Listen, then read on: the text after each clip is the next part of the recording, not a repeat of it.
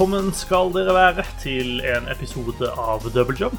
Eh, Mitt navn er Marius Kjørmo, og med i dag er Håvard Ruud, Hei sann, hei sann.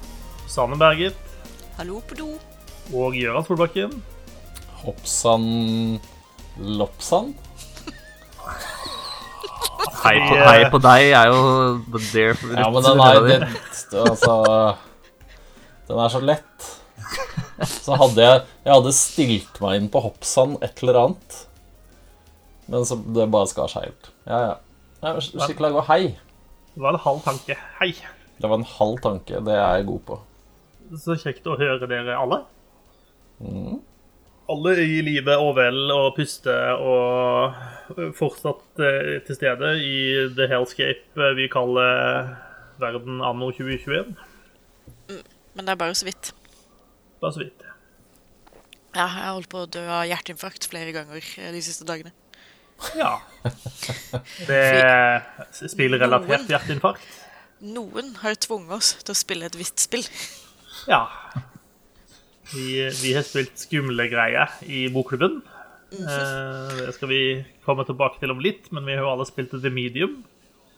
Eh, det er godt å høre at du kom levende fra det, i hvert fall. Ja. Eh, har du sendt mange drapstrusler eh, i den prosessen? Eh, ja, ja. Til alle i Bloober Team. Ja. Personaliserte drapstrusler. Eh, ja, men det er fint. Det er litt sånn Gjør du litt ut av det også? Altså sånn Strikker du drapstrusler, liksom? Eller etter, etter broderer. Ja, ja. Mye glitter. Mye glitter. Men, men det synes jeg det står respekt av. altså Hvem som helst kan jo sende drapstrusler i et kommentarfelt eller i en e-post. liksom Men liksom, det å gjøre seg ordentlig flink med det, da skjønner man at du i hvert fall mener det. Og det mener det må man ta til seg. Ja, det, det betyr noe, liksom. Ja, ja. lagt Har du-. Har du sånn saks som klipper sånn hakkemønster? For det setter jeg veldig pris på. i så fall. Jeg har den, den eh, gangen du skal sende en drapstrussel til meg, så, så hadde jeg satt pris på sånn ruglete sånn kant. Det skal jeg fikse. Lei av all, alle de som jeg sender til deg med sånn, der jeg har skrevet med sånn svipenn? Ja, den syns jeg er kjip. Ja, OK. Ja, du, skal, du skal vite at eh, det har- jeg har grått mange tårer for jeg får sånn røyken i øynene og sånt når jeg har lagt det. Så jeg, jeg syns ikke det har vært innsats, men, men OK. Helt glemt at sånn saks uh, eksisterer. Ja, Da har du tydeligvis ikke lagt deg særlig i selen på drapstrusselsiden, altså. Jeg kommer ikke, jeg- ikke full, nå fulgt jeg særlig med kunsthåndverk heller. Nå kom jeg på at ukeblad var en ting, faktisk, så jeg kan klippe ut liksom bokstaver og sånt, som man gjerne gjør i drapsbrev. Ja. med sånn ruglesaks. Fy faen. Nå. liksom. Åh, jeg føler vi har gjort eh, politiets jobb mye enklere nå, for jeg tror vi er ganske unike i fremgangsmetodene våre nå, altså. det, men det er greit. Eh, det er godt, eh, det er godt Ruglesaksbanden. Eh, Ja. Hei, velkommen til Double Jump. Uh, ja. Uh, Takk for det. Tusen takk. Jo, vær så god. Ehm, jeg hadde tenkt å prate om hva vi har spilt, men så var jeg på butikken, på butikken rett før sending, og så så jeg noe ganske hes heslig der. Jeg så en Grandiosa med Kims potetgull på. Og syns jeg vi skal roe ned 10 000 hakk. Snakker vi klasse, spør du meg. Altså, det ser ut som de har tatt den, liksom, den eh, kjøttdeigpizzaen sin, eh, og så har de lagt på et par flak med det som i hvert fall ser ut som å være liksom Kims salt og pepper, eh, sånn ruglete eller rifla chips oppå. Og så har de kalt det fredagspizza fordi chips, er guess. Jeg tror det var Mårud som var fredagspizzaen. Eller fredagschipsen, ikke Kims. Men Kims er mer sånn hverdagschips, tenker du? Ja, Ok. Dette er så langt Kims må gå da, for å få solgt uh, noe potetgullet sitt. Altså, de vil, de vil jo åpenbart inn på fredagsmarkedet, da, eh, og har slått seg sammen med, med Grandiosa. Eh, Nei, det, jeg ble ikke til å kjøpe den, i hvert fall. Nei, det er liksom. Det er ikke alltid at Å, dette er godt, så dette er godt, så hvorfor er det ikke godt sammen? Det er ikke alltid det er en god idé. Det er veldig ofte er det en god idé, men ikke alltid. Nå skal ikke jeg dømme Jeg har ikke, jeg har ikke smakt den pizzaen, så jeg skal ikke dømme den nedenom og hjem. Eh, kanskje er det Guds gave til Grandiosa, men nei. Guds gave til nordmenn, tror jeg vi sier. Jo da. Når, eh, hvor er Grandiosa med brunost? Det lurer jeg på. Først, rett rundt hjørnet. hvis vi først skal liksom bygge opp Grandis som en sånn norsk nasjonalskatt, eh, så kan vi jo fyre på med en gang. Ja, brunost og smalahove. Brunost og smalahove. Strødd over med litt, med litt kremtopper også, så er vi der. Ja. Å, fy fader, kremtopper er godt, det. Åh, Nå, Der våkna pensjonisten blant oss. eh, oh yes. Gi meg en pakke kremtopper og litt mokkabønner ved siden av. Da, da koser jeg meg, ass. Jeg har en annen kompis som er, som er veldig glad i mokkabønner, men eh, han tar avstand fra kremtoppene. Hva, hvorfor skal man ta avstand fra noe som er så godt? Nei, det, si det. Eh, kanskje fordi det ikke er så godt. Religiøse grunner, kanskje? Ja, det må være eneste. Ja. Mm. Det må være noe sånt. Jeg fø- føler, føler det er bra gamlisnivå på mokkabønner og kremtopper, altså. Er det det, altså? Altså, jeg bruker mer tid enn jeg liker å innrømme på TikTok, og det er veldig lite kremtoppinnhold eh, der. Eh, det er det, altså. Er kremtopp TikTok en ting? Si det fort fem ganger. Ja, det er tydelig at det er en, eh, en nisje der, da. Ja. Altså, hvis det ikke eksisterer, så er det jo ikke en nisje. Eh, men eh, Det er mye, mye på TikTok som ikke har eksistert før TikTok, som nå er en greie. Så eh, nå Alle de tre stykkene som følger meg på TikTok, nå blir det mye kremtopper, ass. Det er mye kremtokk. du skal i hvert fall få én ny følger, hvis dette er tilfellet, Gøran. Kommer aldri, aldri til å dele TikTok-brukeren min med noen andre mennesker som jeg kjenner. Er det Gorsol 23? Nei, det er sikkert noe sånn derre kremtopp-pappa eller noe sånt. Ja. Det er ikke lov å si, det, faktisk. Nei, det var, det var erotisk på et eller annet plan. Ok, vi får sensurere det i post. Ja.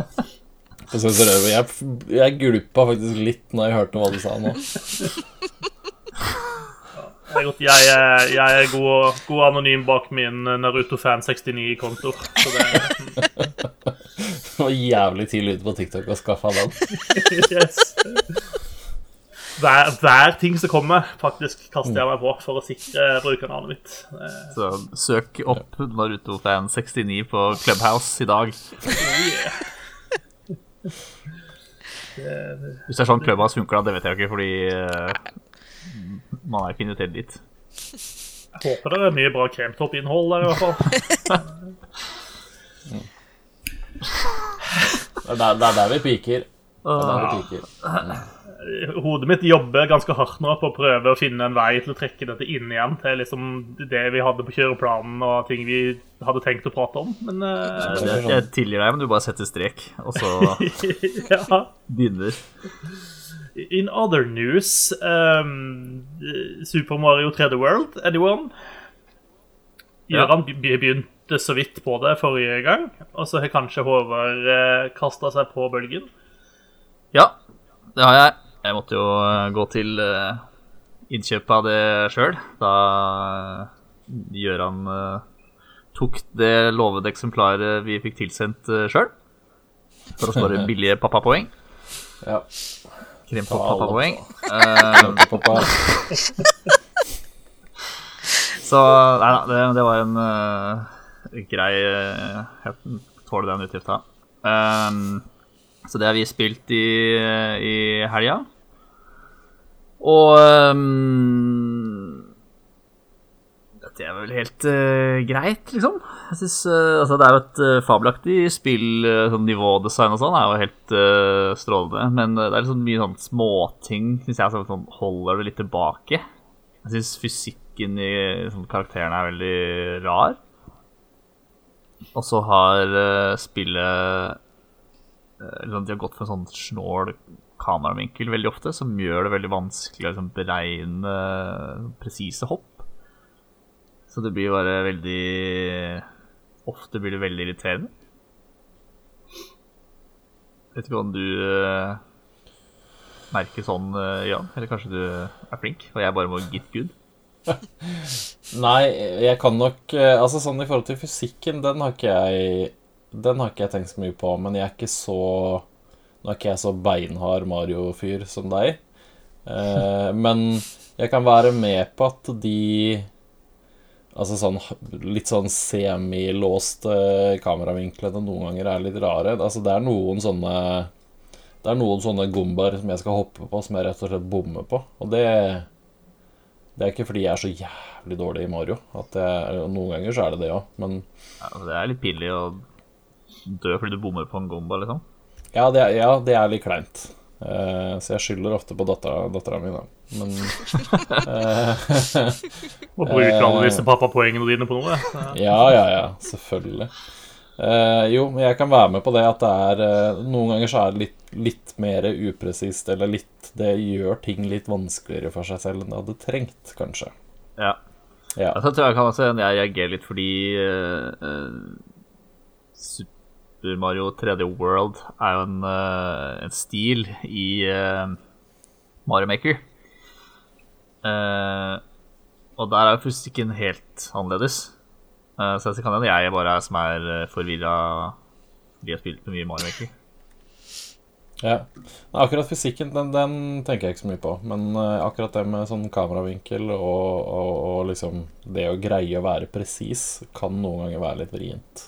Ja. For meg så er det sånn kombinasjon. Jeg syns liksom figurene er litt sånn De virker veldig lette når du hopper, på en måte. Sånn, uh, Ja. Det er noe rart med liksom når de kommer opp, og så detter ikke ned like fort som man liksom skulle egentlig trodd, og så er det noe sånt rart.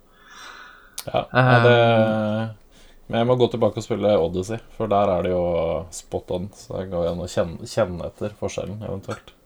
Ja, Odyssey er perfekt. Og Altså, så det sånn kam. Kameravinkelgreiene er jo grunnen til at jeg datt av Super Mario i utgangspunktet. Altså, når Mario 64 kom, så bestemte jeg meg bare for at dette, dette kameragreiene her, det gidder jeg faktisk ikke være med på lenger. Aldri mer. Nei, fysj. uh, og så er det litt, når man spiller to eh, personer, da, så er det oppstår det mye rare situasjoner. Fordi dette, det spillet her uh, har en sånn disse blanke røra som man ofte sklir igjennom. Um, og um, der sklir man jo etter hverandre gjennom røret, og når da begge liksom kommer ut av røret på andre sida, hvis det er et rør som peker uh, rett opp, da, så hopper den ene ut og treffer den andre i hodet. Altså eh, spretter man av gårde og Ja, og enda verre hvis, hvis røret peker rett ned.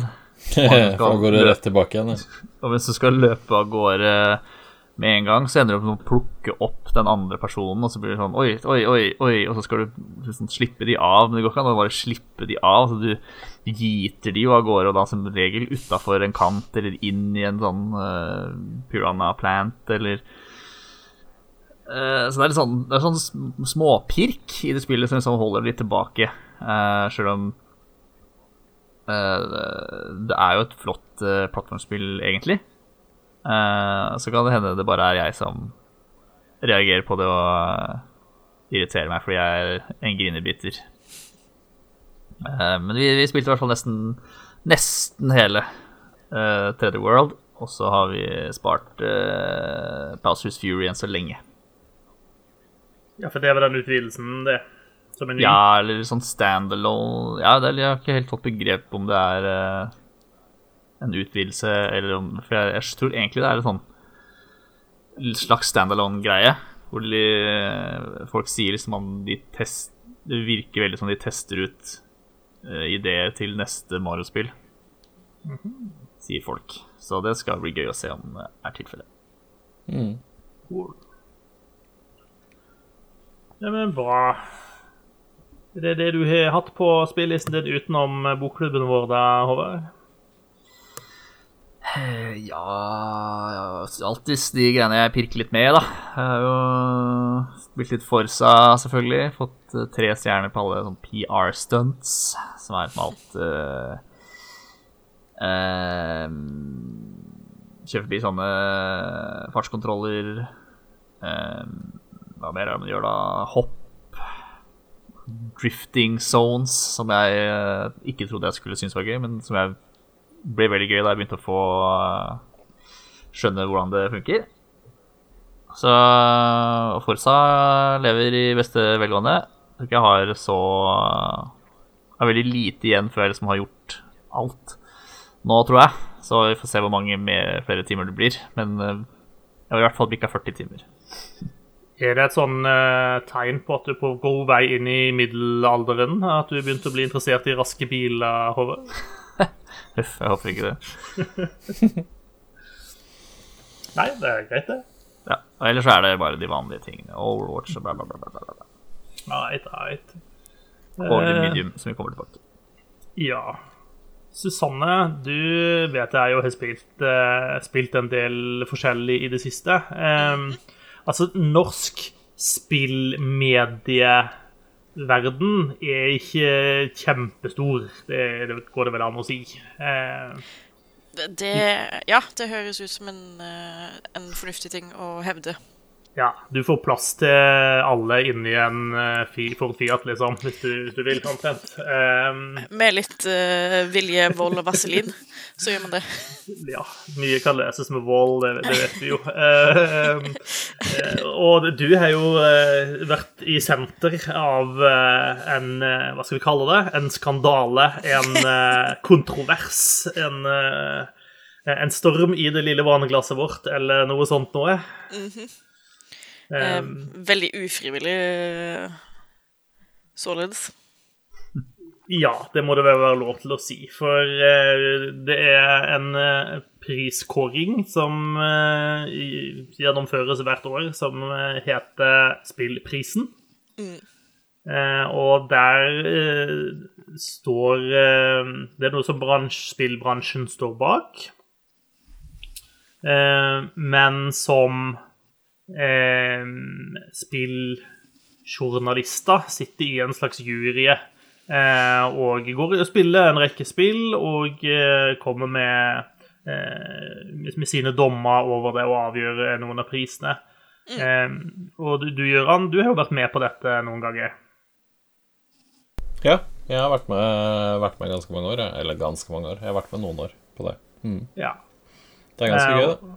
Ja, som, som representant for gamer.no. Um, men i år så har de altså funnet ut at uh, Susanne ble invitert inn i juryen.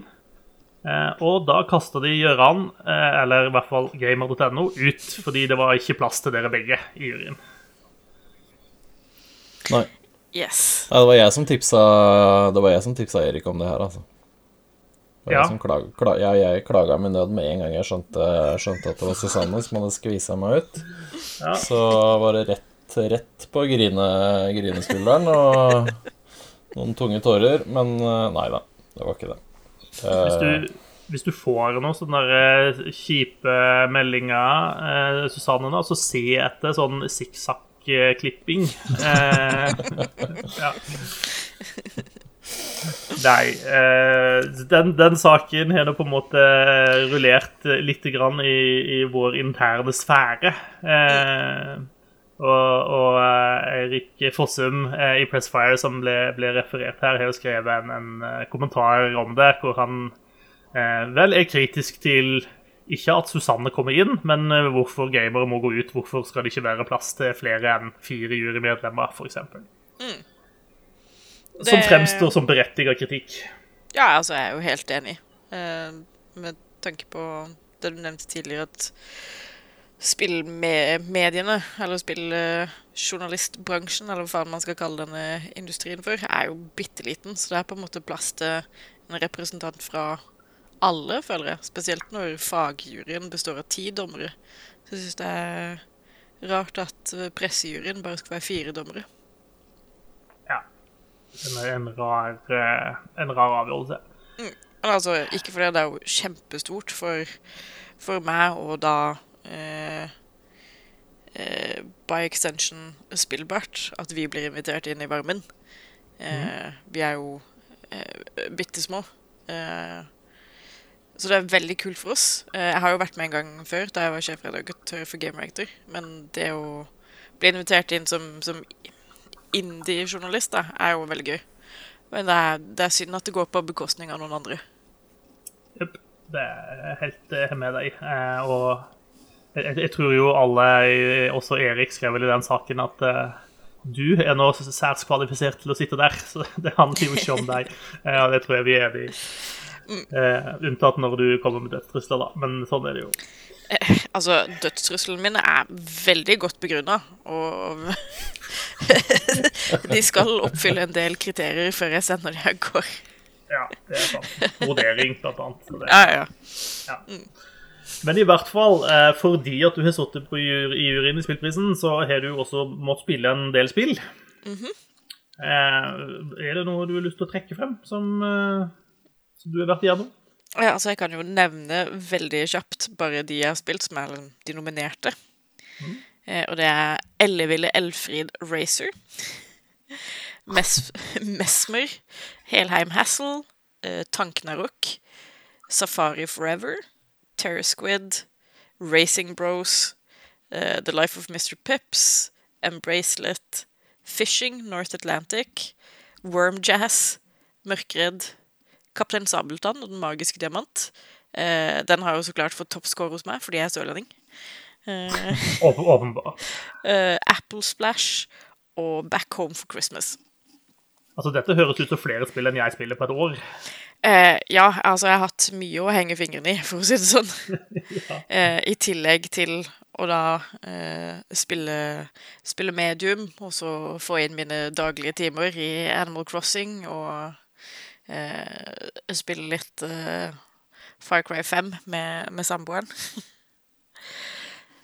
så det har vært eh, lange dager i eh, eh, Casa Svartberget, for å si det sånn. Ja, er, det sånn Kan du ikke si noen ting om spillene? Er det, er det hemmelig eh, hva du syns? Er det Nei, altså nå er jo Kåringa er på en måte gjort, så jeg kan ikke gå inn og endre på ting. Eh, Men eh, jeg har jo snakka om Helheim Hassel før, og, og en bracelet også, mm. i tidligere episoder.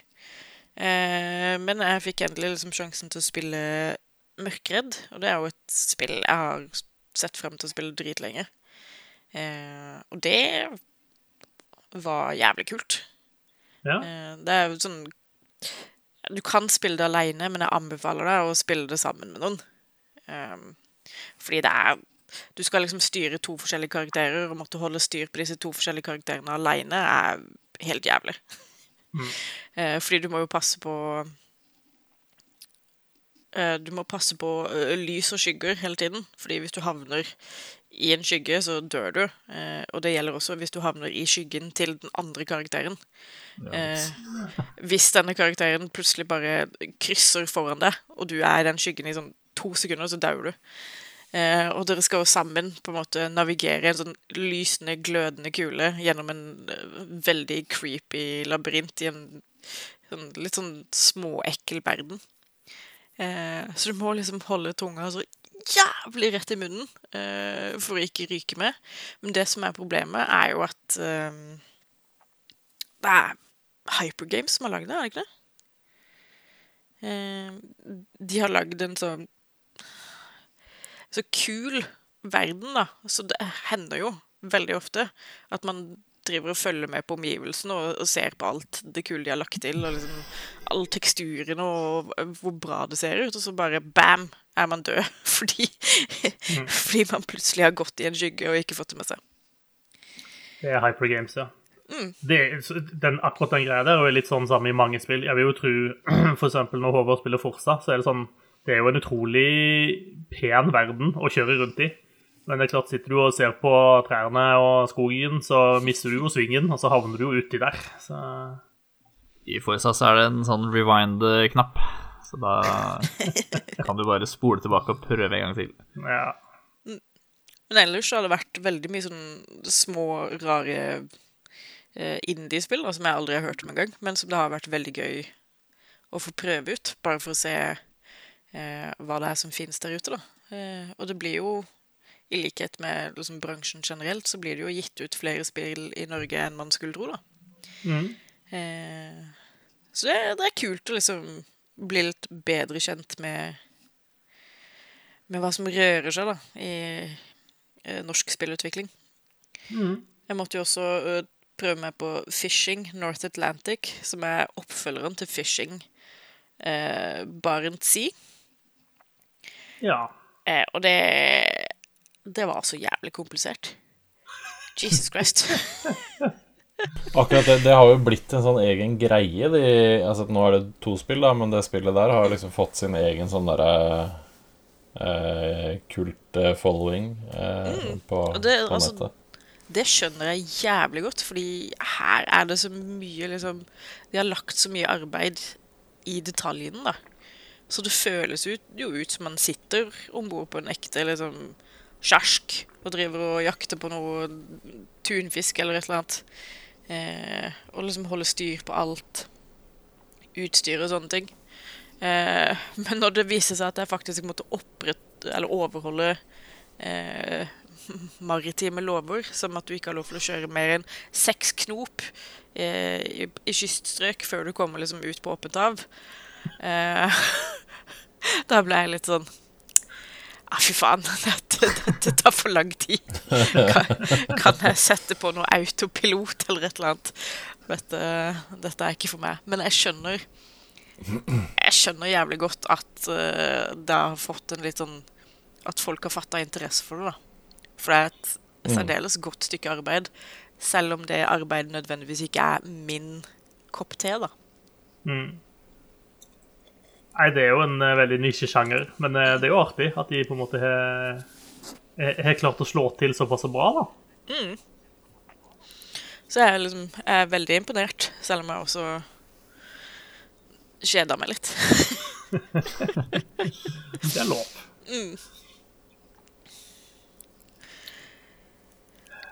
Ja, men bra. Um, da har du fått vært igjennom eh, mye rart. Uh, Gjøran har vel også vært igjennom mye rart. Du eh, jo, fikk jo PlayStation 5 eh, rett før forrige sending, så vi fikk jo så vidt høre at, at du satt og, og kjelte med håper å si, eh, håndkontrolleren for første gang. Um, derfor du, er- derfor Husk å du blir passe på kjæledyra dine den siste uka. Ja da. Ja, hvordan, hvordan er livet som PS5-eier? Eh, livet eh, med neste generasjon er eh, Det er veldig deilig. Det var eh, Jeg er eh, Altså, jeg har jo Nå har jeg faktisk eh, tatt meg tiden og, og hatt muligheten til å ta meg tiden til å sitte en god del med, med PlayStation 5, og det er naturlig nok et veldig, veldig stort steg videre fra, fra forrige generasjon, altså. Det, det må jeg si. Det er eh, Eh, ja, det er deilig å endelig være en del av det. Eh, men som førsteinntrykk, da, så syns jeg eh, Altså Alt er selvfølgelig først. Altså, det laster jo Alt laster mye fortere. Eh, den er stille og rolig. Ting kjører veldig mye bedre. Sånne ting. Så jeg har jo prøvd å blande liksom denne uka da med litt, eh, litt nye ting og litt eh, gamle ting, for å prøve å liksom se litt forskjellen og sånn. Så jeg har hvis man skal ta det første først, da, så hoppa jeg Det første jeg liksom satte i gang med, var Godfall, som er et Det er bare et rent PlayStation 5-spill, så vidt jeg vet. Det er vel ikke noe Ikke noe forrige generasjon eller noen ting. Eh, og det er det dårligste spillet jeg har spilt, egentlig, hele uka. Ja, det er egentlig Egentlig et spill jeg har gleda meg litt til, for det var litt sånn Litt sånn type spill som, jeg, som det så ut til at jeg kanskje likte. da Jeg tror Håvard sa noe sånt som at det er et spill Et sånt Gjøran-spill, når vi så den traileren første gangen. Det høres ut som noe jeg har sagt om det spillet, ja. Ja. Eh, og det kunne det også være, men det bare Det, det funker liksom ikke. Det er ikke. Og det er ikke fordi det er noe gærent med spillet sånn sett. Det bare Det klikka ikke for meg i det hele tatt. Det er eh, Jeg syns ikke Jeg syns ikke combaten var kjempebra. Jeg syns ikke eh, strukturen i spillet var Nei, den, det var ikke noe særlig. Eh, og så er det veldig De har prøvd å Jeg veit ikke, det, det, kan, det, er bare antakelser fra meg, da. Men det virker som de har prøvd å, liksom, å se så mange fine, blanke, skinnende ting vi kan bruke raytracing og 4K-teksturer på. Eh, og så har det bare blitt sånn overkill eh, av alt mulig sånt. Så det ender egentlig med at spillet ikke ser så veldig bra ut, fordi det blir for mye, bare. Mm. Det er for mye Det er for mye gull og skinnende metaller og blanke fliser, og det er liksom det, det er Nei. Jeg liker ikke, jeg liker ikke stilen i det, så det det var ganske skuffende, egentlig. Altså, det er ikke, selvfølgelig, det er, ikke, det er ikke stygt å se på. Man ser at det er veldig, veldig pent og veldig sånn, men det bare funka ikke for meg i det hele tatt. Så jeg skjønner Jeg skjønner hvorfor det spillet kom og bare døde mer eller mindre ut med en gang. Eh, det skjønner jeg veldig godt. Mm. Så får vi se om de greier å rydde opp og redde noe. Men eh, nei, det, det var litt skuffende. Så det eh, når, når, jeg på den herlige internettlinja mi greide å laste ned flere andre ting, så ble det fort glemt, det spillet. Ja. Eh, det neste, da, som, som egentlig er den, det, det, som viser kanskje forskjellen på PlayStation 4 og PlayStation 5 best, er vel uh, Miles Morales. For der har det da kommet en sånn uh, Veldig mange av disse spillene sant, så har det hvis du har PlayStation 4-varianten, så kan du også få PlayStation 5-varianten gratis, eller du kan gjøre sånn, da. Så der lasta jeg ned PlayStation 5-varianten, og så Eh, bare for moro skyld så skulle jeg teste da, ikke sant? hvor lang tid tar det å laste inn dette spillet fra start på PlayStation 4 Pro og PlayStation 5. Eh, og jeg tror det var sånn type eh, 50 sekunder forskjell på lastinga. Fra liksom jeg trykka load på PlayStation 5, og eh, jeg, egentlig da så gjorde jeg vel eh, Jeg trykka start på PlayStation 4, og så bytta jeg For jeg hadde satt jo bare på TV-en, så bytta jeg kilde. Lasta på PlayStation 5.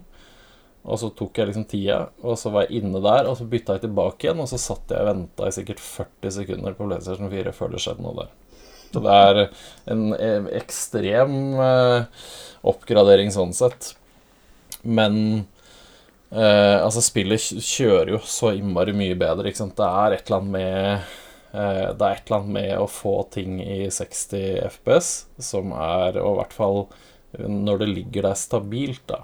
Eh, så gir det en helt annen feeling og en helt annen opplevelse enn, enn hvis det ligger på 30, eller hvis det er ustabilt i tillegg. Så, så det er liksom den første første store tingen, og spesielt et spill som kanskje går såpass fort, og det skjer såpass mye som, som Miles Morales, da, så er det,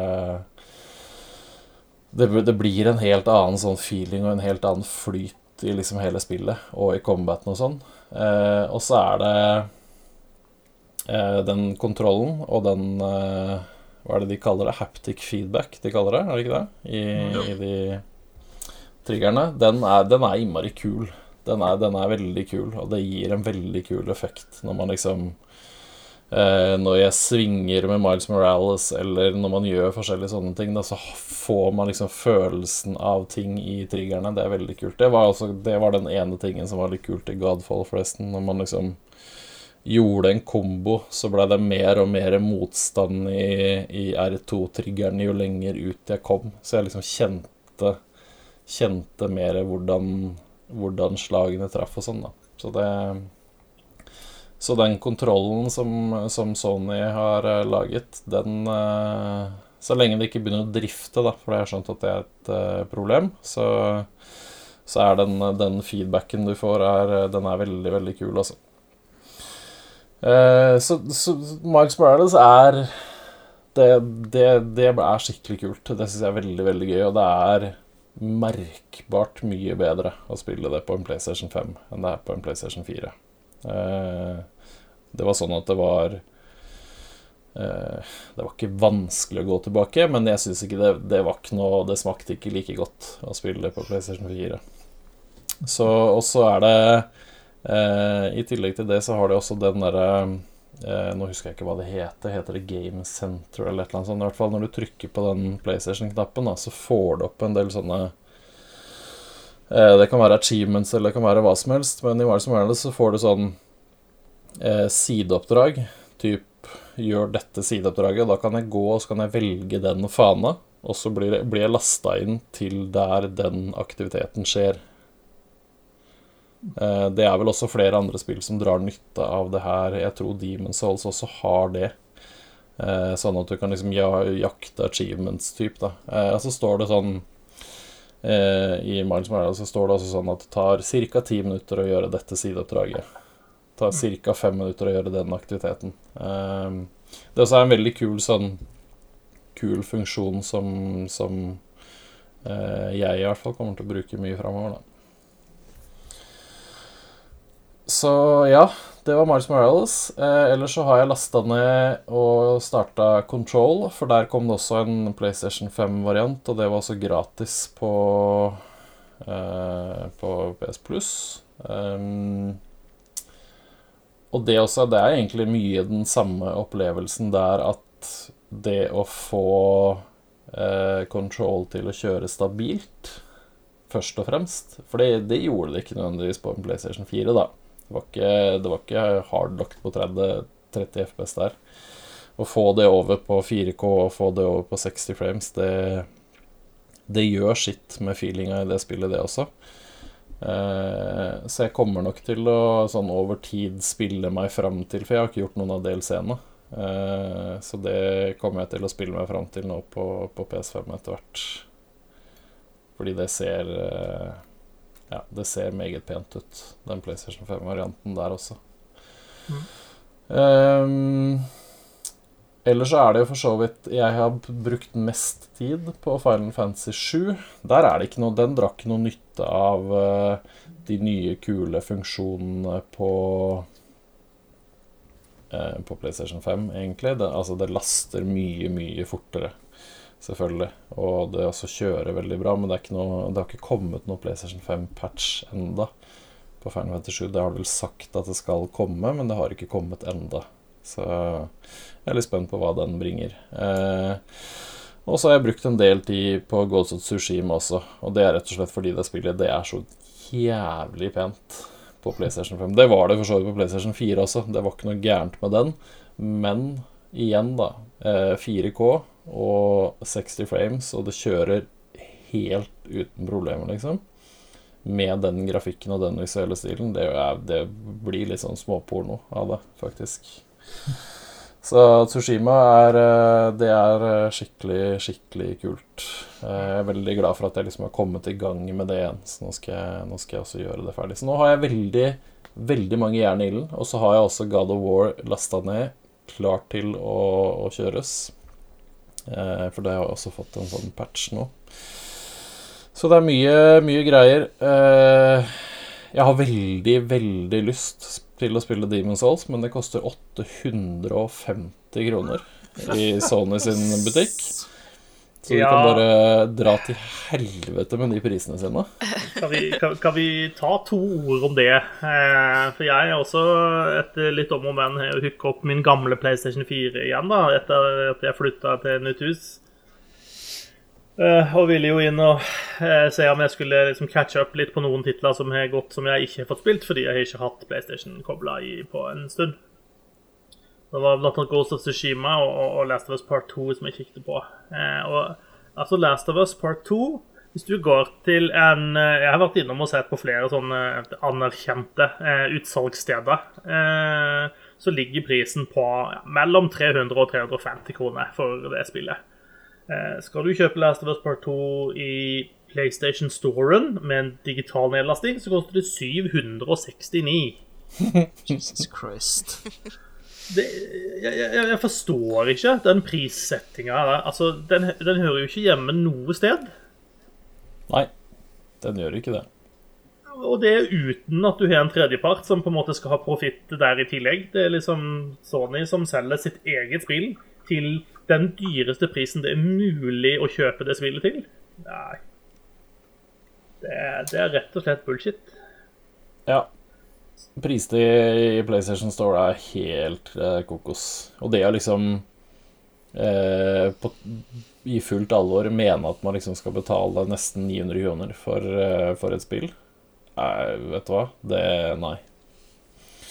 Og det er jo ikke Det, det syns Nei, det det skal er være økologisk og kortreist, og kanskje gullbelagt i tillegg.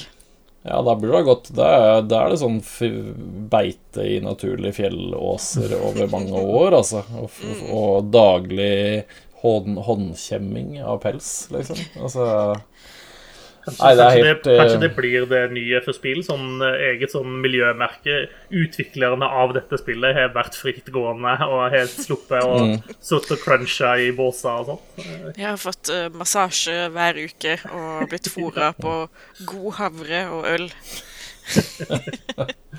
Til og med fått rettferdig betaling. Ja. Fått lov til å besøke lege innimellom med behov. Ja. Ja, nei, så det har ikke blitt noe Kanskje burde burde sende en dødstrussel til PlayStation-butikken? Ja, PlayStation Store, i hvert fall. Ja. finn, finn fram saksa. Yes. Nei, jeg syns det, det synes jeg var litt sånn. Ja, alltid klar. Jeg syns den er litt eh, Den er faktisk litt drøy. Eh, Selv om jeg er skikkelig skikkelig sugen på Demon's Souls, så syns jeg et sted må den grensa gå. Det er rart at jeg skal sette det der, men sånn er det nå en gang. Kan du ikke bare Eh. spille det gamle spillet, og så myse? Og så Jo. og bare late som? Det er det ikke. Og hver gang, det, hver gang spillet trenger å laste, så går du og lager deg en kopp te isteden. Ja. Ja. Jeg har jo det gamle spillet på disk, og jeg har jo fått en PlayStation 5 med sånn diskgreie. Ja. Hmm. Nei. Nei da. Eh, vi får la det være til, eh, til en senere anledning, eller om jeg bare rett og slett sprekker og går på bekostning av mine egne meninger enda en gang. Det er ikke første gangen jeg sier noe, og så gjør jeg det motsatte. Så enn så lenge så har jeg mye annet jeg kan kose meg med, da, i hvert fall. Eh, men førsteinntrykket er, at, er i hvert fall at eh, PlayStation 5 er en, er en veldig, veldig solid maskin. Det er ingen av spillene som har slitt noen som helst med å kjøre på eh, Kjøre på liksom beste grafikk-options. Det er stort sett der jeg liksom har prøvd å putte det. Eh, å kjøre det på performance, så er det jo helt, eh, helt stabilt, liksom. Eh, og den er veldig lite støyete, og kontrollen er eh, den beste kontrollen de har lagd, i hvert fall noen gang. Eh, Det skal ikke så mye til, da. nei, det skal det ikke nødvendigvis så mye til. Jeg, også, jeg er også en sånn Xbox-kontroller er definitivt best uh, fyr. Uh, men akkurat den nye DualShocken nå, den syns jeg, er, den synes jeg de har treffet bra med, altså. Så er veldig, jeg koser meg veldig med next gen-ting. Det syns jeg er eh, Ja, det er gøy. Det er veldig gøy. Ja, men bra. Jeg, eh, jeg ble så eh, satt ut av disse PlayStation-prisene eh, at jeg bare skrudde, skrudde av buksen og gikk eh, loffa ned i stua eh, og fant frem brettspillene mine isteden, rett og slett. Det var for nok være nok. Um, Ja, Ja, for for de koster mener sikkert ingenting. brettspill er så rimelig? koster, de koster ingenting. Uh, Brettspill er så billig. Nei, uh, det, kom, det er ikke kommet den. Jeg har kjøpt en utvidelse til et brettspill som heter Star Wars Rebellion. Eh, utvidelsen tror jeg er sånn to år gammel, så den er ikke ny, men den er ny for meg. Eh, og den utvidelsen heter Rise of the Empire. Eh, og Star Wars Rebellion-spillet for øvrig basert på et dataspill som Electronic Arts ga ut for 190 år siden, som er et av de beste Star Wars-spillene som er lagt, men som ingen har spilt. Men det er veldig gøy, og brettspill er veldig gøy. Eh, Rise of the Empire-utvidelsen er tematisert til Rogue One-filmen. Eh, pluss pluss. Så det er liksom, det er mye Rogue One, og så er det en del sånn andre Star Wars-ting som den legger til i tillegg. Er Rogue One Extended, extended Cut. Noe sånt, ja. Uh, så den legger inn Jabba the Hutt, for eksempel, og, og en del ting rundt han og sånt. Um, det, også, det, det, det, Rise of the Empire sånn helt i bunn og grunn gjør, er at den legger til mer av alt. Uh, så det er flere Det er noen nye units uh, som man kan bygge. Det er mange flere oppdragskort. Uh, ja, det er stort sett litt mer av alt. og det, det, er bare positivt for, for Star Wars Rebellion. og man kan få en større variasjon i oppdragene og i hva man gjør, og det er veldig artig. Eh, den, den, bruker også anledningen til å gjøre noen justeringer på reglene og sånn, på noen ting som ikke funka helt optimalt i det originale spillet. Eh, blant annet så har den eh, et alternativ da, til kampene i, i slagene. Både, både bakkeslag og romslag. Eh, for de, de tactics-kortene som var med originalspillet, de, ble, de var ganske basic og ganske, ble ganske dølle rimelig kjapt. Eh, så her har de da introdusert jeg tror jeg husker de kaller det noe sånn cinematic combat rules, kaller de det, uten at disse reglene er noe mer cinematiske enn de andre, men det er jo greit. Eh, men de kommer i hvert fall med helt nye kort og et nytt regelsystem for hvordan man bruker kort i kampene. da. Eh, og det syns i hvert fall jeg fungerte meget bedre, og dermed så justerer de litt på hvordan heltene funker og sånt, og hvilke bonuser de har og sånt. Eh, noe som er med å gjøre liksom, helhetsopplevelsen. Eh, løfte den et par hakk. da. Det blir liksom eh, eh risengrynsgrøt godt, men eh, det er bedre med kanel på, liksom. Eh, så det er Rise of the Empire er kanelen til Star Wars Rebellion, rett og slett. Eh, så hvis du har en av de sikkert ganske få som har det spillet og syns det er dritfett, så anbefaler jeg å ha Rise of the Empire også. Det er, det er skikkelig moro, eh, og det er så gøy med et eh, skikkelig brettspill som er designa for to personer. Sånn at du faktisk får spilt innimellom. Fordi det å samle mer enn to personer ofte til å spille brettspill har vist seg å være vanskelig når man later som at man er et voksen, ansvarlig menneske. Ja. Eh, så på søndag så jeg og en kompis eh, hooka opp, eh, så en fotballkamp og spilte en runde med Rebellion. Og han rakk hjem til leggetid til kidsa, liksom. Så det, det var helt nydelig. Kan anbefales. Skal vi gå til bokklubben vår? Det er vel dags. Det er dags og kvelds og det ene med det andre. Vi har spilt The Medium, som vi har sagt. Et uh, småskummelt spill, må det vel være lov til å si. I hvert fall basert på antall hjerteinfarkt som Susanne har vært gjennom. uh, ja, hva, hva, er The Medium? Noen som vil kaste seg ut på og si hva det er for noe? Spill. OK. Det er spoopy. spoopy. Mm. Ja, det er jo et uh, horrorspill av den gamle skolen. Med litt sånn låste kameravinkler uh, i hjørnet og sånn. Litt sånn Resident Evil-aktig. Uh, ja. Mye, mye rusling. Mye rusling. Ja. Heldigvis har spillet en løpeknapp da, som gjør at det går supersonic. Altså, den, den løpefunksjonen kunne de faen meg bare spart seg. Ja. Jesus Christ. Jeg har aldri vært så sur over uh, noe kalt Kalt løping i hele mitt liv, og da inkluderer jeg gymtimene på barneskolen. fuck, fuck det her, altså. Jeg føler jeg kunne relatert litt til det. For det, det, er sånn Når jeg setter opp farten, så går det ikke så fryktelig mye raskere enn om jeg bare gikk uansett. Så det, ja. Det ville vært mye mer effektivt å bare gå, for du slipper liksom å stoppe og trekke pusten eh, litt ned i veien og sånn. Ja, ja, ja. Eh, men ja, man spiller altså en kvinne Jeg husker ikke hva hun heter. Marianne. Marianne eh, som har noen eh, Eh, har noen unike krefter. Eh, som gjør at hun har ja, Hvordan skal hun forklare det? Hun har en I see dead people, holdt jeg på å si. Hun er jo, altså, hun er jo et medium. Ja. Jeg vet ikke om det er en sånn Hun er en slags Jeg- uh, Lilly Bendris, om du vil. Polens svar på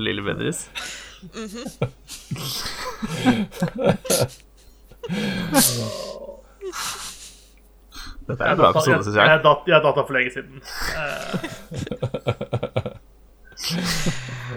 Men ja, hun har jo synske evner, på en måte. Eller eh, evnen til å se både åndeverden og den virkelige verden. Ja, og tidvis så eksisterer jo til og med samtidig i begge. Eh, og alt i den virkelige verden og alt i den åndeverden eh, påvirker hverandre. Så man får et slags eh, dobbelt opp med puzzles, da. Noe må gjøres i den virkelige verden, noen må gjøres i, i den åndelige verden, og så kan man komme seg fremover eh, ved å samarbeide da, med seg selv på tvers av eh, spirituelle plan og dimensjoner. Ja, og man er på en måte avhengig altså i hvert fall av og til, tidvis, så er man avhengig av begge, at eh, det skal være fri eh, bane i begge eh, verdener. Mm. et eksempel er at eh, i du kommer til dette gamle hotellet eller feriestedet, eh, og så er trappa i første etasje den er, den er ødelagt. Men i spirit-verden så er, er trappa fin til å gå opp i. Eh, men karakter, karakteren din kan på en måte da ikke gå opp der likevel, fordi at i den ene verden så er den ødelagt. Så da må du finne en, en annen vei. Og den mekanikken spiller de liksom på, da, selv om jeg, jeg føler jo at de av og til gir deg liksom muligheten til å fuske litt med, med akkurat det konseptet der, eller det prinsippet der. Ja, altså du har jo muligheten til å bare prosjisere det inn i åndekroppen din og ha en slags ut-av-kroppen-opplevelse. Ut av deg sjæl-opplevelse? Ja, ut av deg sjæl-opplevelse.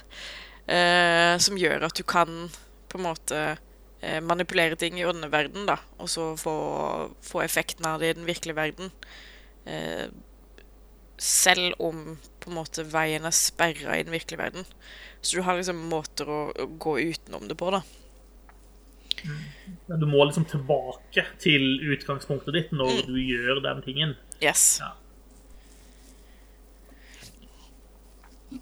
Så det er liksom, spillet starter med at du får en eh, mystisk telefonsamtale fra en, en fyr som heter Thomas, som ber deg komme til en sånn kommunist-resort langt ute i skauen. Eh, for å fikse noe. Redde noen. Eh, eh, please help us, Obi-Wan. Your only hope. Ja, og så Ja. også noe med at du har, du har fra siden du var ung hatt en, en drøm som alltid er tilbake, og den refererer vel også han Thomas. Ja. It all starts with a girl, er ikke eller annet sånt? Ja, Ja, it all starts with a dead girl. Det, denne telefonsamtalen fra Thomas den får man jo helt i starten mens du er nede i et likhus og liksom beskue din døde stefar eller noe sånt. Eh, fordi det må jo være det, selvsagt. Du kunne ikke, han kunne ikke bare ringt deg over frokostbordet eller sendt deg en e-post eller noe sånt. Nei da. Skikkelig bra timing, Thomas. Ja. Yeah. Eh, så godeste Marianne er litt sånn Ja ja, dette høres legit ut. La meg reise til denne kommunistresorten langt ute i bumfuck nowhere. Skal jeg ta med meg noen uh, provianter? Kanskje noe verktøy? Det, denne resorten har jo vært stengt ned ganske lenge, så dørene er jo sikkert låst. Uh, kanskje en lommelykt? Hadde det vært lurt? Nei! Skytevåpen, Eh, telefon til å ringe politi. Null niks og nada. Hun bare slenger seg på motorsykkelen og fyker av gårde. Og så dukker hun opp der, og så er hun sånn Å nei, hvordan skal jeg komme meg inn i denne bygninga hvis fasade består utelukkende av glass? Eh, eh, steg én burde jo vært plukke opp en stein, ditt jævla mehe. Uh, men nei da, du må gjennom en sånn convoluted puzzle-greie hvor du må finne du må følge noen krittegninger på bakken, og så må du finne en skrutrekker, og så må du bruke den til å låse opp døra eh, til søppelrommet, sånn at du kan få tak i en eh, søppelcontainer og dytte den bort til et tak, sånn at du kan klatre opp der og krabbe inn et vindu som er knust. Eh, og, eh, allerede da så merka jeg litt sånn Nei, fuck dette spillet. jeg, jeg hater det allerede. Uh, og så har du i tillegg denne helvetes eh, låste kameravinkelen. Som, som gjør meg så eitrende forbanna at det er ikke morsomt engang. Ja, for, for det, er, det føles Altså, en del av de puzzlene du må løse, føles veldig konstruert ut. da. Det er jo på en måte alle puzzles i spillet, men eh, de gir ikke alltid så fryktelig mye mening. Og jeg syns også det er litt sånn rart eh, de, de, altså, hvor, hvordan disse to verdenene henger sammen. Eh, for det er sånn eh, Du kommer til en port. Porten er stengt. Det er en elektrisk port. Men hvis du går inn i liksom åndeverden, der kan du finne et lys og tenne det, og da, åpnes, går strømmen på i den virkelige verden, og døra åpner seg. eller sånn. Altså, ja.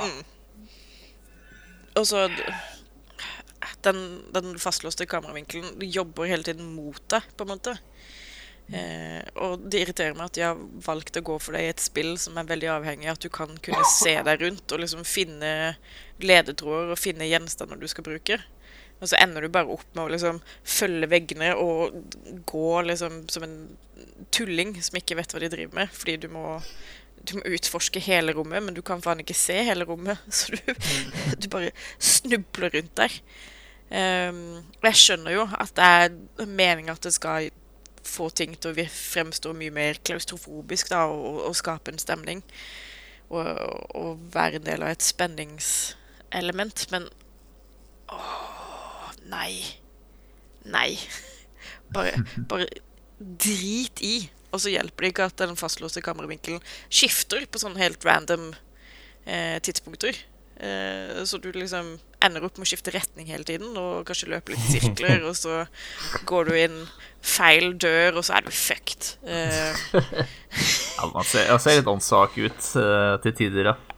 ja, altså det blir ekstra ille når du da begynner å, å nøste opp i noen av disse mysteriene i åndeverden, og plutselig blir jaga av sånn satans helvetes uh, udyr som eksisterer i åndeverden og ser helt jævlig ut, men som også eksisterer i den virkelige verden og bare er usynlig.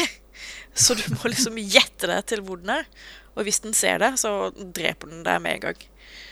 Um, det er spilt, jeg har jo spilt på PC, og jeg spilte først med mus og tastatur. Og det anbefaler jeg ingen å oppleve i hele sitt liv. Uh, spill, spill med kontroller. Eh, men sånn, sånn bortsett fra det, så Det er jo et kjempebra Altså- spill. ja, Altså, det har veldig bra, veldig bra lydspor og lyddesign. Ja, det er veldig, si. veldig creepy. Det Ja, veldig, det- gjør en veldig bra jobb med liksom, å bygge på stemninga, det lydsporet. Ja, spesielt den uh, musikken de har i den ordnede verden, som uh, i bunn og grunn ser ut som helvete i Konstantin-filmen. Eh, bare, Ja, for pokker. ja, bare litt mer grunge. Ja. Eh, og musikken de har der, er helt jævlig. Eh, så jeg prøver jo å, haste gjennom eh, det nivået så, så raskt som mulig, men det kan jeg jo faen ikke, fordi du løper jo i sånn tre meter i timen. Jeg, jeg har Jeg har irritert meg fint mye over det, over det spillet, ass. Hvor lang tid brukte du på å runde det? Jeg tror jeg brukte åtte timer. Ja. Eh, det hadde kanskje tatt seks timer hvis jeg hadde kunnet løpe fortere. ja.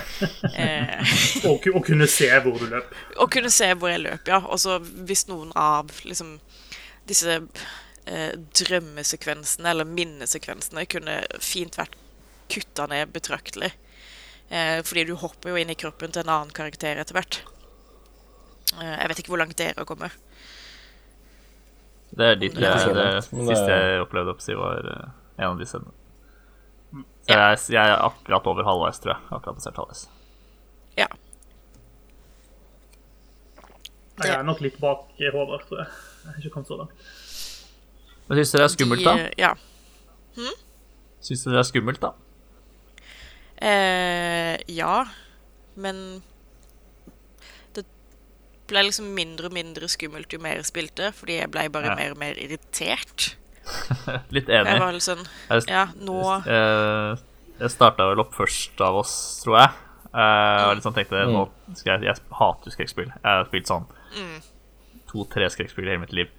Eh, jeg tenkte, nå som jeg først skal spille det, så skal jeg, liksom, skal jeg skru av lyset, og jeg skal ha på headset fordi det anbefaler spillet at man gjør, for da blir det den beste opplevelsen. Eh, og da er det sånn helt på starten, når du er nede i det kjelleren i det likhuset som vi snakka om, eh, og så er det noe leven, opp, noe leven oppe. Ja, du ser den skyggen i trappa? du- Ja, nettopp. Ja. Du kommer ut i Ja. det trapperommet, og så ser du bare står en skygge der. Og tenkte jeg, fy faen, dette her orker jeg ikke. Og da skrev jeg en melding til dere og sa sånn Dette spillet her Ja, Det er jo etter sånn tre minutter i spillet. Ja, og det er sånn Det er så pinglete jeg er da med sk- skrekkspill, egentlig. Uh, ja, jeg altså, tenkte òg bare å, å gi meg akkurat der, for jeg var litt sånn Nei, vet du, vet du hva? Uh, I'm good. Uh, Og så, eh, så roer det seg ganske lenge etter det. Så når du kommer til den der resorten, så er det veldig eh, freaky. Og så syns jeg sånn Viser de hva som er skummelt eh, litt for tidlig. Og da slutter det å være sånn Er det ikke så skummelt når man liksom vet hva det er, eller i hvert fall hvordan det ser ut, da. altså, den Ja, og, og, sånn og etter det så har jeg liksom fått litt frysninger på ryggen, eh, men sånn aldri vært Altså, redd sånn som jeg var opp til det punktet. genuine jumpscaren jeg har hatt, hvor jeg har blitt sånn der holy fuck. Nå er det like før jeg slår knyttneven gjennom skjermen, er når du skal uh, tømme et badekar for blod. Ja. Eh, og du kikker inn det kikkhullet i døra. Eh, da holdt jeg på å pisse på meg. Ja. Men etter det så var det litt sånn eh, Litt mer eh, plankekjøring. Eh, og etter Mm. at man hopper inn i kroppen til denne andre karakteren, så blir det mye mindre skummelt av en eller annen grunn. Eh, og det har litt med at denne karakteren har litt mer offensive krefter. Mm. Så man får muligheten til å forsvare seg, da. ja. Eh, Og det er jo nesten litt dumt i et skrekkspill, spør du meg.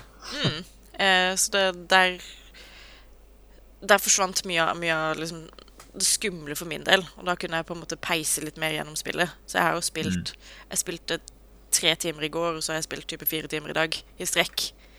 Ja. Eh, for det, den første eh, Første gangen så ga jeg meg etter en time. Da, da hadde jeg fått nok. Ja, for det er sånn Min lengste økt har også vært en time.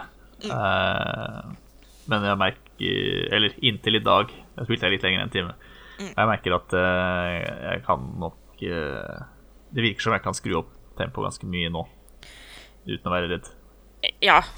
Altså, du får jo ikke skrudd opp tempoet i, i spillet, for du, må, du er jo bundet til Nei, jeg, jeg kan Hold i løpeknappen. Ja. Uh, men ja um, Jeg har jo spilt det ferdig, så jeg vet jo hva som skjer på slutten. Ehm, men jeg er veldig spent på å høre hva andre folk syns. Fordi Jeg ikke egentlig hvordan historien utvikler seg, i hvert fall så langt. Uh, Det syns ja, jeg spiller ganske bra, faktisk.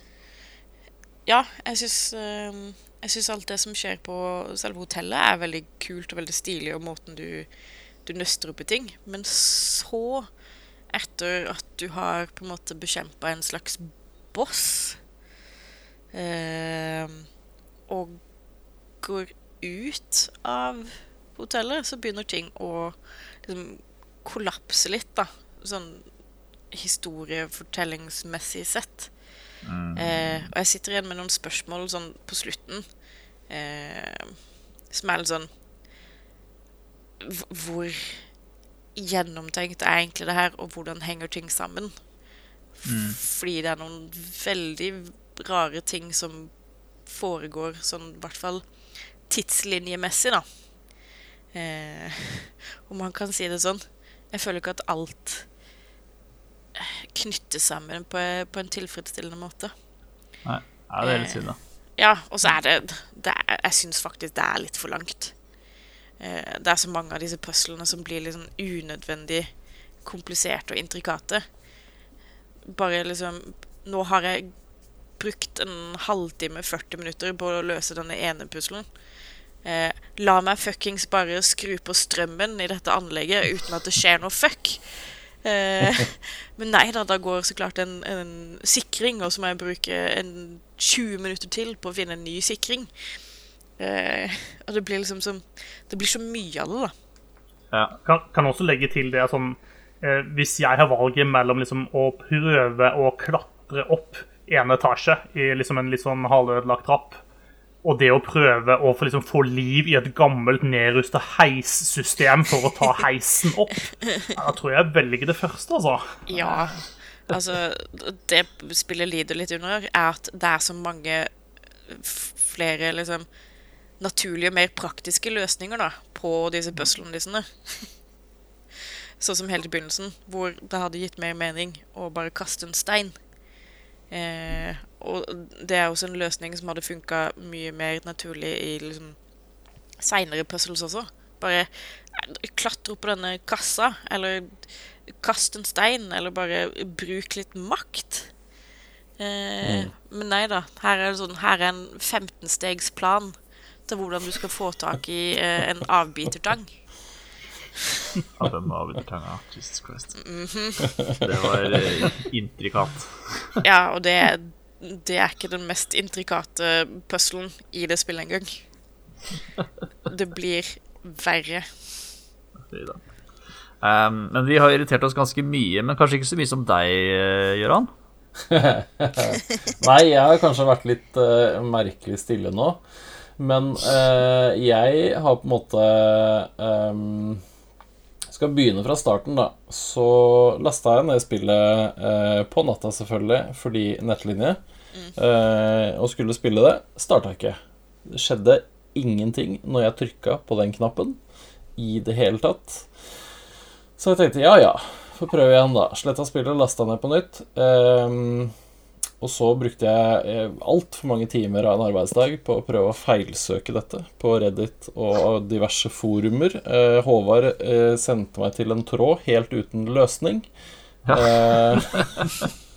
Jeg bare googlet, jeg fant spørsmålet, og så bare setter jeg den uten å lese om det Ja. noe svar. ja, det var kjempe, kjempesnilt gjort av deg, faktisk. Tanken som teller. Ja da, det var tanken som teller. Det var det. Men til syvende og sist, da, etter fem nedlastinger, eh, så, så starta det plutselig. Da tenkte jeg så kult. Nå får jeg endelig liksom, får jeg vært en del av denne bokklubben, jeg også. Jeg er jo halvannen uke etter alle andre her. Eh, så, så fikk starta spillet og sånn, og så fikk jeg spilt da. Og syns jo egentlig det starter helt decent. Altså hele den der eh, åpningssekvensen med han eh, fosterfaren og alt mulig sånn, den er sånn passe, passe guffen, liksom. Eh, og og eh, funker bra med litt eh, god lyd på, på headset og sånn. Og så uh, er det jo på motorsykkelen, da, uh, med en trang, trang skinnjakke og olabokse. Det er utstyret man tar med seg på tur. Klatrer over veggen, løper gjennom skauen, og så kommer jeg til den der første liksom bygningen, og så, og så skal jeg liksom dele den derre Altså, Det er vel den andre gangen, tror jeg, man går inn i den derre spirit world. Og så bare tenker hele spillet mitt. Jeg, jeg s- bare fryser helt. Eh, null frames, og så krasjer det. Så tenker jeg ja, ja, det var dumt. Jeg starter på nytt. Eh, og så er det selvfølgelig da litt tilbake i tid, denne autolagringa, så jeg må løpe i 2,5 km gjennom den jævla skauen en gang til. Eh, se på disse fotsporene, og så kommer jeg til samme plassen, og så krasjer det. Eh, dette er kult. Nå begynner jeg å kose meg skikkelig med medium, liksom. For den lunta mi, den var ikke, den var ikke kort allerede. Um, så jeg, da, fordi jeg har lyst til å være en del av denne samtalen, jeg også, sletter hele jævla spillet. Uh, sletter autolagringa i skyen. Uh, roter meg fram til hvordan jeg skal gjøre det. Laster ned spillet på nytt. Prøver på nytt. Samme stedet.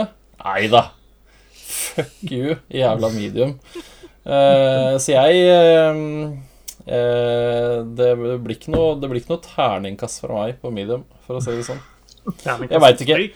Stjernekast Ja, jeg veit ikke hva det er for noe med det spillet, men uh, eh, Altså, den gode nyheten, da, er at nå trengte jeg bare laste denne én gang før det starta. Så det er på en måte Der er vi på en måte en, en kraftig forbedring. Ja.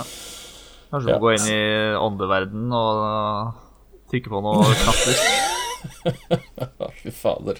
Etter å ha hørt, uh, hørt Susanne nå, så tenker jeg at jeg rett og slett lar eh, medium bare være. Det kjennes litt sånn ut. Jeg fikk smake på det. eh, og det virka som det var et helt OK spill fram til det punktet der hvor jeg ikke vil mer.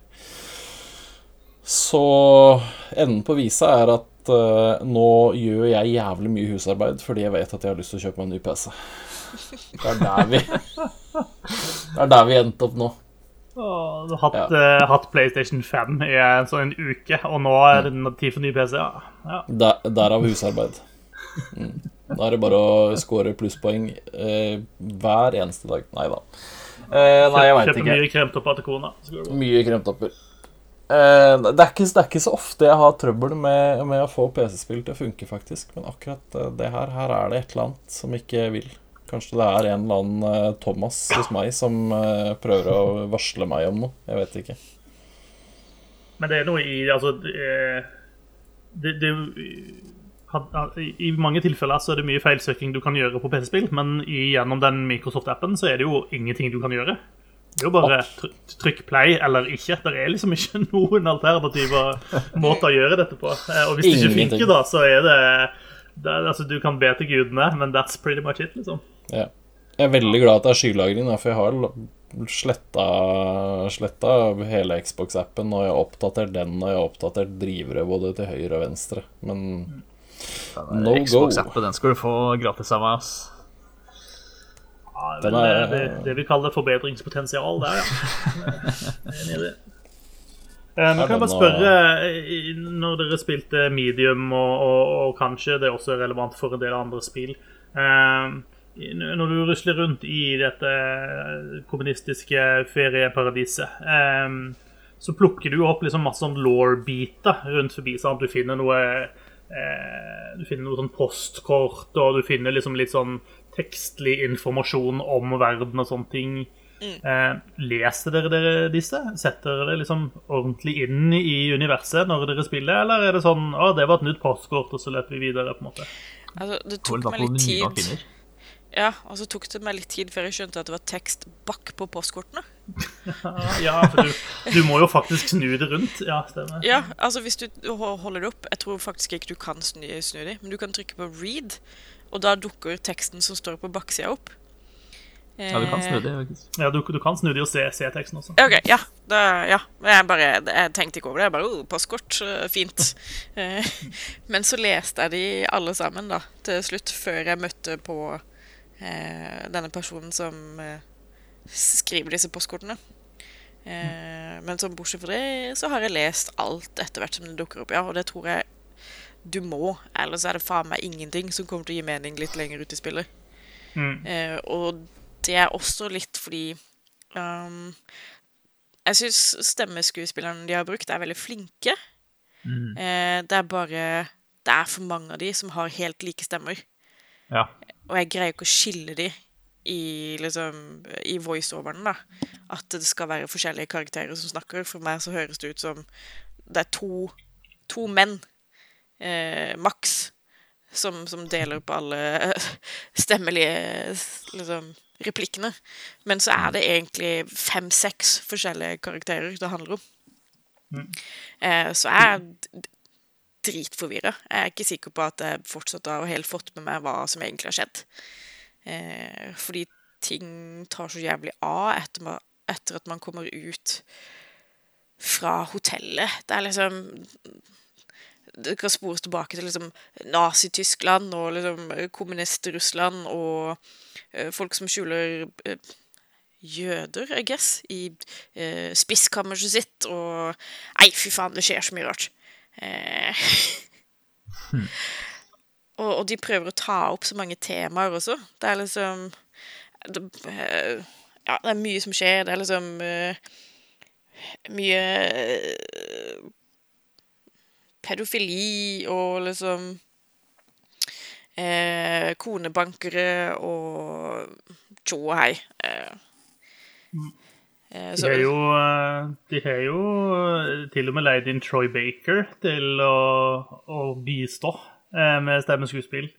Eh, han er jo sikkert ikke den billigste de kan få tak i, men han tror jeg bare spiller monster. Ja, ja, det kan gi mening. Eh, at han er han store fyren som er ute etter å bruke det som en skinsuit. Eh, The Maw. Ja. Yes, that's the one. Det, ja. Akkurat den karakteren, eller hva du vil kalle det, har en veldig distinkt stemme. Ja. Jeg, jeg tror de droppa budsjettet på, på, på han der, på en måte. Ja, Vi har ikke brukt sånn kjempemye penger på ansiktsanimasjoner, i hvert fall. De har ikke brukt så veldig mye penger på å animere ansiktshåret til han ene karakteren. Det ser ut som han har fått liksom transplantert veldig dårlige plugger. Eh, og så er det liksom Det er veldig mye De føles veldig sånn generiske. Eh, spesielt hun Marianne, i hvert fall når hun er i den virkelige verden. Hun, liksom, hun kunne vært hvilken som helst spillheltinne i spill som har kommet ut de siste ti årene. Hun kunne glidd inn i Tomb Raider eller Gears 5 eller uh, uh, Ja, The Last of Us, for så vidt. Eller uh, Hva er det spillet heter? Drømmefall. Drømmefall, Press X to Jason Game. Faen, eh, fa Heavy Rain. Heavy Rain. ja. Det er liksom veldig Veldig standard utseende på henne. Hun er mye kulere i liksom åndeverden, så det hjelper jo litt. Eh, og det samme med den andre karakteren du hopper inn i kroppen på. Virkelige, virkelighetsversjonen er veldig Denne personen har jeg sett i 50 andre spill. Eh, mens åndeverden-versjonen er liksom Skiller seg litt ut, da. Eh, det eneste som skiller seg ut med Marianne, er jo at hun har eh, Eller lider av har heterokromi. Eh, som vil si at hun har to forskjellige farger på, eh, på det ene øyet. Mm. Som er en litt sånn Hun kan se to verdener på en gang. Eh, se, så eh, lurer vi deg eh, med, liksom, Ja. med denne symbolikken. Og du kommer til å bli litt sånn irritert på slutten. Fordi Ja. Nei, jeg skal ikke si for mye, men eh, Jeg tror Gøran er irritert helt på begynnelsen, faktisk. Ja, ja. Men sånn som smykkeordet sitt har en, en signifikans, da. Eh, og eh, hvis du er som meg, så plukker du opp det rimelig fort. Du skjønner liksom hva det er med en gang, og så bruker de den symbolikken igjen og igjen og igjen, så du skjønner på en måte hva som i vente, da. Eh, jeg syns spillet ble litt sånn Ja, litt forutsigbart til tider. Rett og slett. Men altså, alt som Mesteparten av det som skjer inne på hotellet, syns jeg var veldig kult. Um, og det er liksom, eh, jeg har jo spilt det ferdig, så det er jo ikke så ille at jeg ikke orka mer, på en måte. Eh, Ja, deler av det var trasspilling. Eh, men samtidig så, så spilte jeg jo videre for å finne ut av OK, hvor er alt dette på vei, på en måte. ja. Men det, de, jeg syns de er flinke på å lage den sånn atmosfæriske eh, skumle stemningen, da. Eh, uten at spillet blir eh, så pressende skummelt at du ikke orker å spille det. Altså, det er ikke amnesia, dette her. Eh, eh, hvis, du, hvis du gjør som Håvard og bare kanskje skrur på lyset, så, så kommer du deg gjennom dette, liksom. Det, det skal gå bra. Ja. Det er liksom, Jeg syns fremdeles type Zoma er tusen ganger skumlere. Mm. Um, Og for så vidt Control er nesten skumlere, sånn egentlig. Ja, Det var faktisk min parallell også, eh, fordi Control også gjør veldig den eh, Altså, den, sånn trykkende, eh, kjip atmosfære. Eh, og, og det var stort sett grunnen til at jeg slutta å spille Control. at jeg synes den, den trykkende følelsen ble så ukomfortabel over så lang tid at, at jeg ble så sliten av å spille at jeg ikke orka. Eh, Og liksom selv, om, selv om ikke nødvendigvis kampene var så skumle, så var det Nei, men sånn- stemninga er helt jævlig. Men i den nye DLC-en så støter man på et monster som er veldig likt uh, The Maw, da, i I uh, Herregud, uh, The Medium. Ja. Og så fort jeg gjorde den koblinga, så var jeg litt sånn OK, men da, da er det ikke så skummelt, for det har jeg allerede slått, på en måte. I can do it again, asshole. Prøver du å si at The Medium er satt i Alan Wake-universet? Er? Nei, men det er vel heller satt i Observer-universet, tror jeg. Ja, det stemmer nok. Ja, ja. Hvis du skal si noe positivt om det, da, så er det i hvert fall veldig gavmildt på achievements. Det skal det ha. Eh, Du har plukka opp ti ting. Gratulerer, Achievement. og så er jo lydsporet og liksom designet er jo veldig kult, spesielt i, i åndeverden, da. Så jeg, jeg syns de har gjort mye riktig. Det er bare eh, Det er kanskje litt mer langdrygt enn det trenger å være. Ja, jeg, jeg syns den ånd- åndeverden synes jeg er litt sånn hit and miss også, for å være helt ærlig. For det er sånn Jeg syns det blir, det blir fort Det er en fin grense mellom det å liksom skulle lage noe som er ekkelt og, og, og litt sånn otherworldly, til å bli rett ut harry på en måte også. Eh, og jeg synes sånn første gangen så kommer du til eh, Jeg kan ikke huske hvordan det ser ut i den virkelige verden, men i åndeverden så er det liksom altså den eh, et eh, sånn eh, en dør som er lukka, da, som, som, som i åndeverden er en eh, sånn altså et eh, trekk av skinn som ka, kan se ut som menneskeskinn, eller i hvert fall skinn til et eller annet levende vesen, som du da må åpne med å ta en sånn gammel rusten kniv og liksom skjære sakte og rolig gjennom, og det er sånn eh, ja, det, det, det er veldig på grensa der med, med å tippe over til å bli litt harry, syns jeg. Men, eh, eh, men, men, men det er godt for en stil, og en del av, av designet på liksom de kjipe tingene som du møter sånn, er ganske kult. Men, men det er litt hit and miss, syns jeg. altså. Ja. Yes. Det var The Medium, folkens. Eh, er vi klar for ny konkluderer med at det er eh, helt medium. Eh, ja. Helt medium. Åh, ok. Er vi klar for en ny runde med bokklubb, da? Yes. Jo. Og Der har vi jo allerede annonsert eller sagt hva vi skal spille. Vi skal spille eh, Valheim.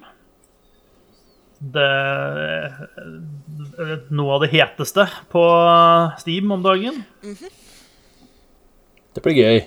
Det blir gøy. Jeg har allerede snikstarta på det, så det, det blir artig. For det er sånn løpe rundt og bygge skitt, er det ikke det? Jo, Ja. det det er riktig. Eh, tid. Det er et, eh, det er et overlevelsesspill eh, satt i en vikingverden eh, med en grafikk som er litt sånn eh, ja, Ikke helt på Minecraft-nivå, men litt sånn inspirasjon kanskje fra det også. Samtidig som det ser veldig pent ut. Så ja, det blir eh, Jeg gleder meg til vi skal prate om det, for der er det, der er det mye å prate om. Mm. Uh, yeah, skal vi slenge på oss litt nyheter? Det var jo BlizzCon uh, her. Uh, Nei, nei, nei. du- nei, nei. Nei. Vi må kalle det med det rette navnet. Nei, jeg nekter. Jeg nekter. Jeg setter foten ned. Det var ikke BlizzCon-line. Det var det ikke. Det var BlizzCon. Eh, og jeg vet ikke Håvard, satt du klar med popkorn og, og satt oppe om natta for, for å se på, eller? Ja, det gjorde jeg selvfølgelig. Ja. Uh, BlizzCon er jo sånn spill eh, Det er liksom årets spillhappening for meg. Um, I eh, år så hadde jeg ganske lave forventninger, egentlig. Med liksom de to store tingene som liksom BlizzCon Som vi vet at Blizz, BlizzCon, eh, Blizzard jobber med. eh, Overwatch 2 og Diablo 4 eh, har de jo sagt at ikke kommer i år. Eh, Så jeg hadde ganske lave forventninger, og ble likevel skuffa. Ehm, vi fikk jo sånn eh, Altså, Overwatch ble jo ikke, ble ikke nevnt engang i åpningsseremonien. Ehm, hvor liksom de store annonseringene kommer. Um, som er liksom veldig skuffende for meg, eh, selvfølgelig, som uh, spiller mest Overwatch av Blizzard sine spill. Uh, og Overwatch 2 er et av spillene, er kanskje det spillet jeg gleder meg aller mest til um, av framtidige spill, så var jo det veldig skuffende. Da hadde de en sånn behind the scenes av Overwatch 2-greie et, etterpå, da. Fordi sånn, etter åpningsseremonien så deler det seg liksom fire spor eller fem spor eller hva det er for noe. Liksom, du kan følge alt om WoW, alt om Diablo, alt om Hearthstone, alt om Overwatch.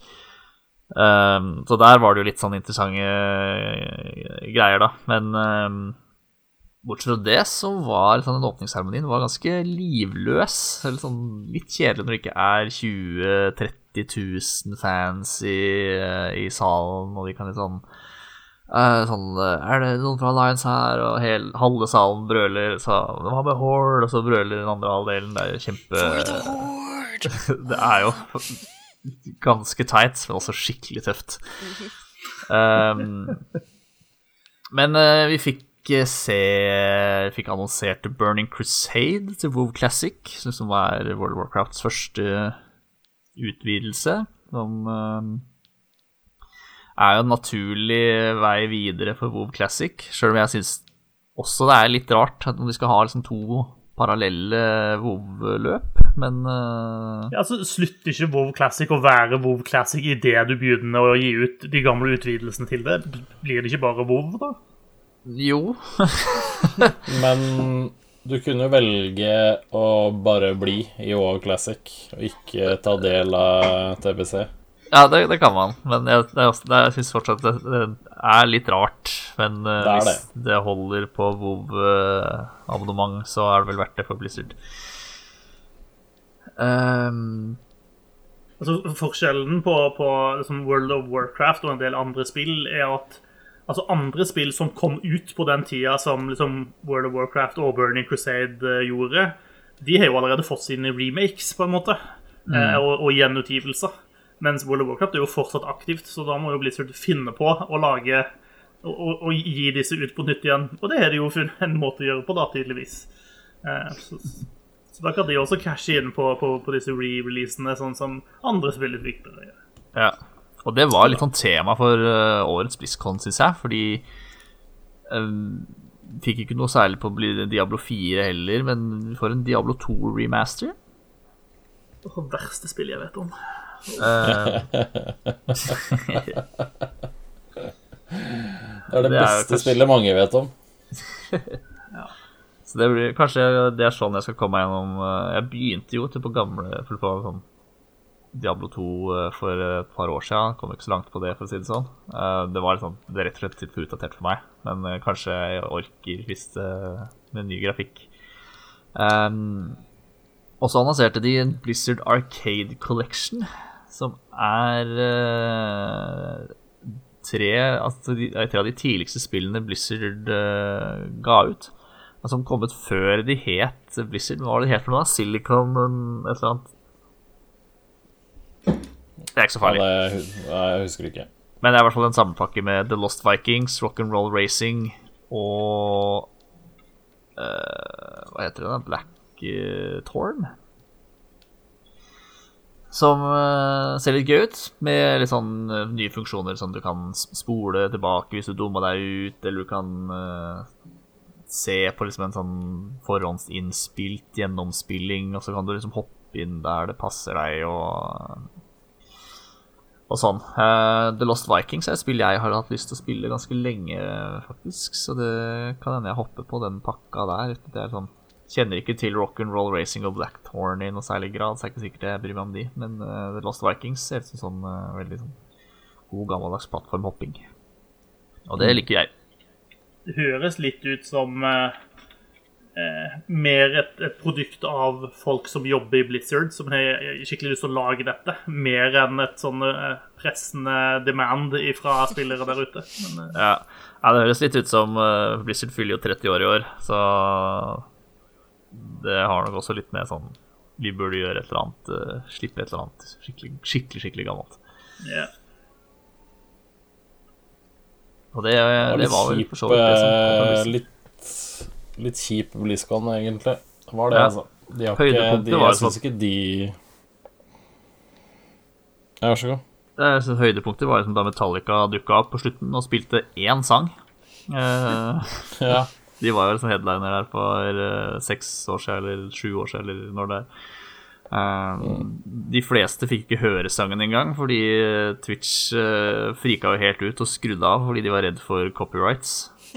Så Metallica skulle spille sin egen sang som de var betalt for å spille. Å, herregud. Det ble noe pling-plong-musikk i stedet for de som satt og så på Twitch Gaming-kanalen. Det var visst eh, jeg, jeg, jeg, tror- jeg tror det var eh, Det var ikke på hovedkanalen på Twitch.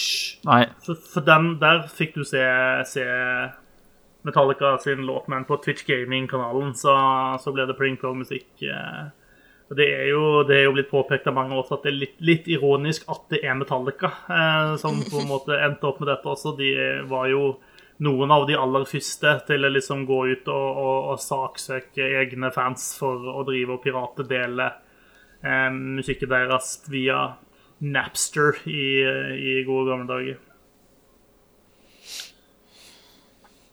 Det er vel eh, det er en eller annen sånn South Park-episode som tar for seg alle disse stakkars millionærene som, som nå ikke får råd til den mest luksuriøse privatflyet sitt, men må nedgradere til liksom B-utgaven av privatflyet, og hvor trist og leit ja. eh, Lars Ulrich er det og sånt. Ja, for han, veldig han får ikke råd til gullbadekar.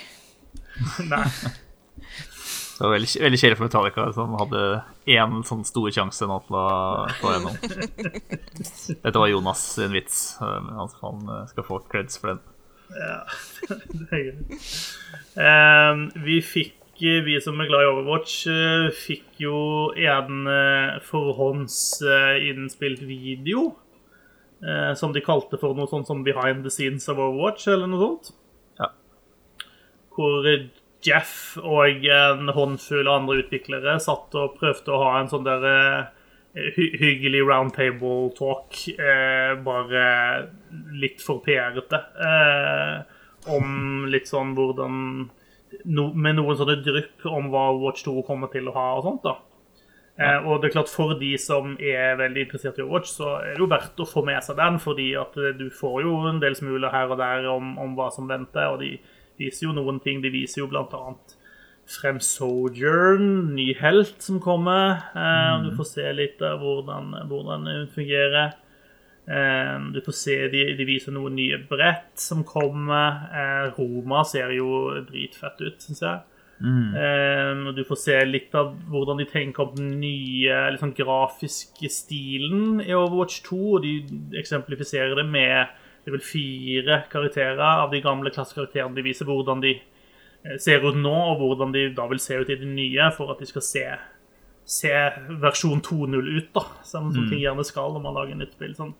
Så det, det var jo litt å få med seg der, men uh, det var liksom ikke mer enn det enn man kunne forvente. Det var snarere mindre. ja. Ja.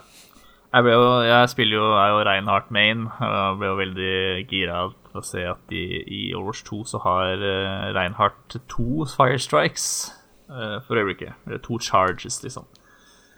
Ja, eller det er vel en del av det der eh, skill-treet eh, som, som karakterene har. Eh, og, og det prater de jo litt om også, hvor, hvor du kan på en måte da kombinere ting som gjør at heltene vil føles veldig annerledes og kan spilles veldig annerledes.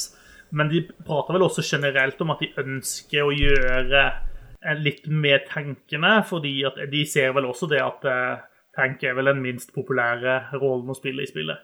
Ja. så, så de er nødt til å prøve å gjøre de litt mer gøyale å spille, og ikke bare OK, nå skal jeg stå her og ta imot skade mens de andre på laget mitt vinner kampen, liksom. Ja. Eh, ja, vi trenger ikke nerd oss mer ned i Overwatch, men eh, Nei, vi skulle holdt liv i den Overwatchers uh, spin-off-podkasten vi begynte med. Ja, jeg begynte å spille Overwatch etter dere la ned den, til og med. Så det ja, Jeg vet ikke hva det sier om den eller meg eller noe, men eh, ja. Eh, Kast oss på bitte litt andre nyheter. Eh,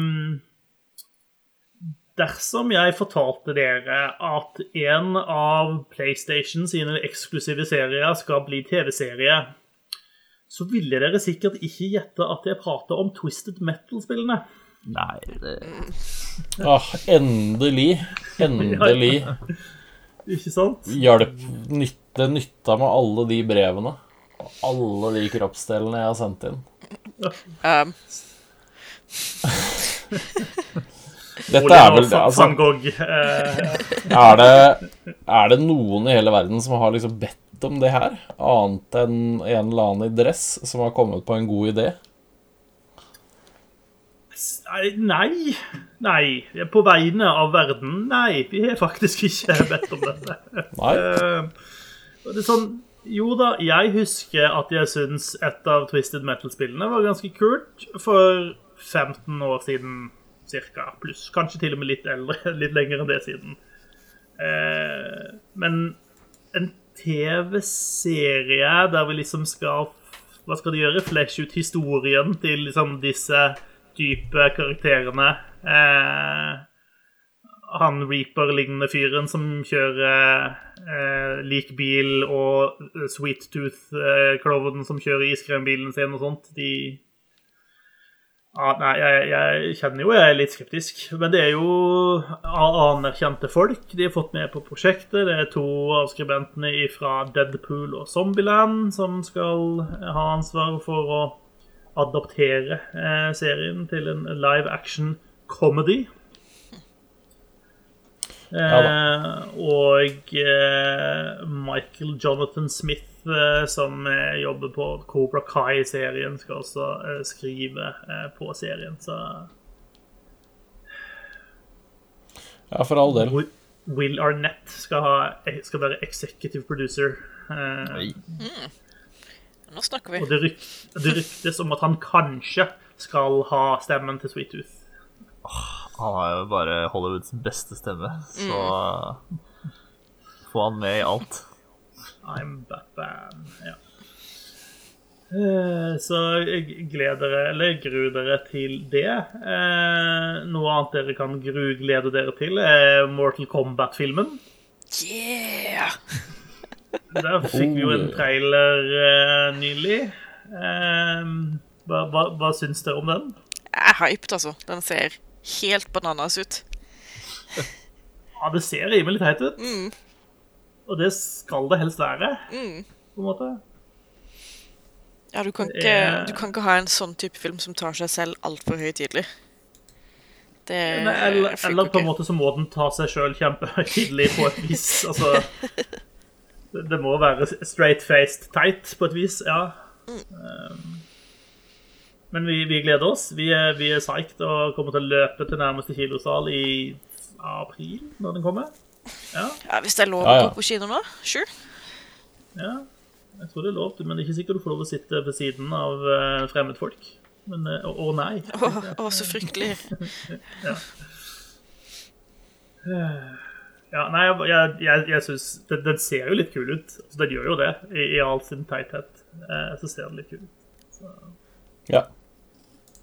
Mer Ja, det, er teit. en- Veldig det er en sånn HBO-greie. Ja. Så den kommer på kino og til HBO Max på samme dag. Det er ingen anelse om hvordan det slår ut i Norge, men eh, Nei, det var det jeg tenkte. Jeg skulle, nå skulle jeg være gammel, eh, gammel mann og uvitende. Har vi HBO Max her i Norge? Eller er det Nei. det har vi ikke. Vi har HBO Nordic, og der er det det er en eller annen sånn avtale som er tidsfesta. Og så er det jo noen spekulasjoner i om at når den går ut, kanskje vi da kommer til å få HBO Max isteden, men who knows? Mm. Vi får se. Det er sikkert ikke tidsnok til eh, 16. april, i hvert fall, til Mortal Kombat-filmen skal komme ut. Halvveis Eh. apropos, så kommer vel Disney pluss Star nå denne uka her, med jævlig mye mer innhold. Ja. Stemmer det. Å, Men det er så mye allerede. Jeg vet, det er altfor mye. Og så mye å Ja. velge mellom. Da kan du se American Horror Story på Disney Plus, eh, men det koster deg en 20 kroning mer i måneden. Cirka, tror jeg. Ja. Eller så kan du bare se på Shits Creek, for det er det beste på TV. Ja! Jeg har nettopp sett ferdig alt, og det er seriøst den fineste serien som fins. Yes. Ja, jeg er på, straks på sesong seks.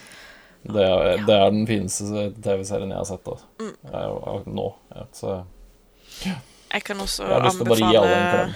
Ja. Jeg kan også anbefale WandaVision, hvis dere ikke har fått sett det ennå. Oh, jeg har ikke sett den siste episoden. Det er Jeg skal, skal se når jeg er ferdig med Marvel-maratonet mitt. Vi så alle episodene i går. filmer igjen. Så alle i går, ja. Ja. ja. nei, Jeg mangler den siste, men den er dritkul. Mm. Åh, ja. Vel, det kan være bra at det kommer mer innhold å se på stream, i hvert fall hvis du er en av de som sitter og venter på den store MMO-en til Amazon, New World, fordi den er utsatt igjen. Åh, søren, altså. Den har jeg venta skikkelig på. Ja, det høres litt ironisk ut, det du sier, men eh, det, har vært litt, litt, det har vært litt hype rundt den. Eh, Ja. Der er jo på en måte Der er en del journalister og influensere og sånn som har spilt dette spillet, og det, du kan se streams av det sånn allerede, liksom, som jeg antar vil i hvert fall gi et inntrykk av hvordan det kommer til å se ut. Men eh, eh, det er i hvert fall nå flytta til 31. august at det skal være full launch. Og så er det vel snakk om at hvis du preordrer, så får du tilgang til en closed beta i juli. Ja. Ja. Jeg veit at den siste Siste sånn uh, beta-pushen de hadde der det var masse streamere og sånn som fikk lov til å streame, eh, så var det Det var en god del ting å utsette på, på progresjon og kampsystem og skills og sånn. Det var en del det var en del greier der som det fikk ikke nødvendigvis kritikk for, men som enten mangla eller ikke funka eller ikke var ordentlig ferdig og sånn. Så eh, sånn ut ifra de tilbakemeldingene jeg har sett da rundt det spillet, så tror jeg det, er, det virker fornuftig at de rett og slett bare tar seg mer tid til å gjøre ting ferdig. Det har vært en eh, røff inngang for Amazon i spillutviklingsgamet. Eh, når de annon først annonserte liksom Amazon Game Studios, så jo så annonserte de tre PC-spill. Eh, Breakaway eh, ble kansellert eh, under utviklingen, ble aldri sluppet. Crucible ble sluppet i fjor, men det var jo ikke mange måneder etterpå at de annonserte at dette kommer vi til å slutte å støtte. Eh, Det kom vel for så vidt også bare ut i beta, det fikk vel egentlig aldri en ordentlig release. Og så det siste er da New World, som driver og dyttes tilbake og dyttes tilbake. og ja, jeg vet ikke, men det er sånn eh, Amazon sliter. Google har nettopp ned sitt sånn eget utviklerteam. eh, Kanskje, kanskje er det ikke en sikker nok investering for liksom disse store gigantene til å drive med spillutvikling? Vet ikke. Er jeg, det er litt sånn misbasert. eh, Det viser seg at det kanskje er faktisk er ganske vanskelig å lage gode spill. Hæ? Ja. Ja. What? Tenk det.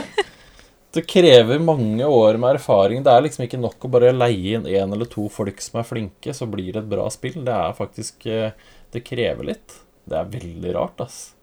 Spill, liksom, som bare er for unger og dumme folk som sitter i kjelleren. Åh, det var ikke lettjente penger allikevel. Nei, det er tydeligvis. Eh, Og så er det vel kanskje ikke bare det, men eh, det er jo et spørsmål om vil de tjene nok penger til at det er vits i for liksom, Google og Amazon til å drive med det, på en måte? De har Ja. jo så enorme budsjett uansett at eh, for de så Altså, de kan sikkert kaste penger på et eller annet hva som helst industrielt i Kina, og så har de tjent mye mer penger enn det de klarer å gjøre på sjøl et ganske suksessfullt dataspill, liksom. Mm. Så ja, nei, I don't know. Um, vi får se om Amazon eh, holder ut en stund til, eh, eller om de kaster spillutviklinga på eh, på skraphaugen. Eh, helt til slutt kan jeg også nevne at Fall Guys kommer til Xbox. Så Fall Guys Ultimate Knockout til Xbox One, Xbox Series X og eh, til Nintendo Switch. Så for de som har venta på det, så kommer det Fikk vi noe dato på det? Når det skulle komme? Det var Det vet jeg ikke. Vet Det var forresten en skuffende Nintendo Direct også forrige uke. Det har vært en tøff uke for deg, Håvard. Ja. Eh, Skyward Sword HD ble annonsert. Det blir vel eh, greit.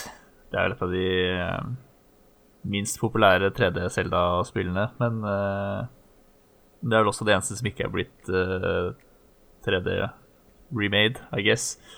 Mm. Så det ga jo litt mening at det var det spillet som kom. Um, mange var skuffa at det ikke var Windwaker og eller Twilight Princess. Um, men jeg har sett noen journalister som sier uh, bare vent noen måneder, min venn. Så vi får håpe de har gode, gode kilder. Uh, ellers så så Mario Golf til eh, Switch gøy ut. Ja. Det var liksom det jeg eh, la merke til på den, eh, den Nintendo Directen. Ellers var det mye sånn spill som sikkert er superpopulært i Japan. Som interesserer meg midt på ryggen. Ja. Ja nei, Fall til Xbox var kommer til sommeren, for øvrig. Det er det de har sagt. Så. Ja. Eh, det har vært både Mario og Skyward Sorder også. Beklager at jeg forstyrrer. Det har vært en uke fullt av eh, skuffelser og uh, medium-opplevelser. Eh, vi får håpe at neste uke blir bedre, da, rett og slett. Uh, Nei da, det har jo vært OK lell. Eh, men Ja jeg tror eh, vi setter strek for denne kremtopp-befengte sendinga her nå. Vi, vi har nådd kremtoppen, eller noe sånt. Eh, Eh, takk for at du hørte på. Eh, fra meg sjøl og Håvard og Susanne og Gøran. Eh, og vi håper at du også blir med eh, neste uke. Eh, så heng med, da. Ha det, da. Ha det bra. Ha det bra. Det var veldig lite originale ha det. Synes jeg, folkens. Hadde tenkt å si at jeg hadde en kremtopp-pappa, men jeg feiga. ja. Jeg vurderte også et eller annet kremtopp-relatert, men eh, Det ble med tanken. Ternekast 3. Det var, det var uniformt, dere gikk i takt, men det var lite kreativitet.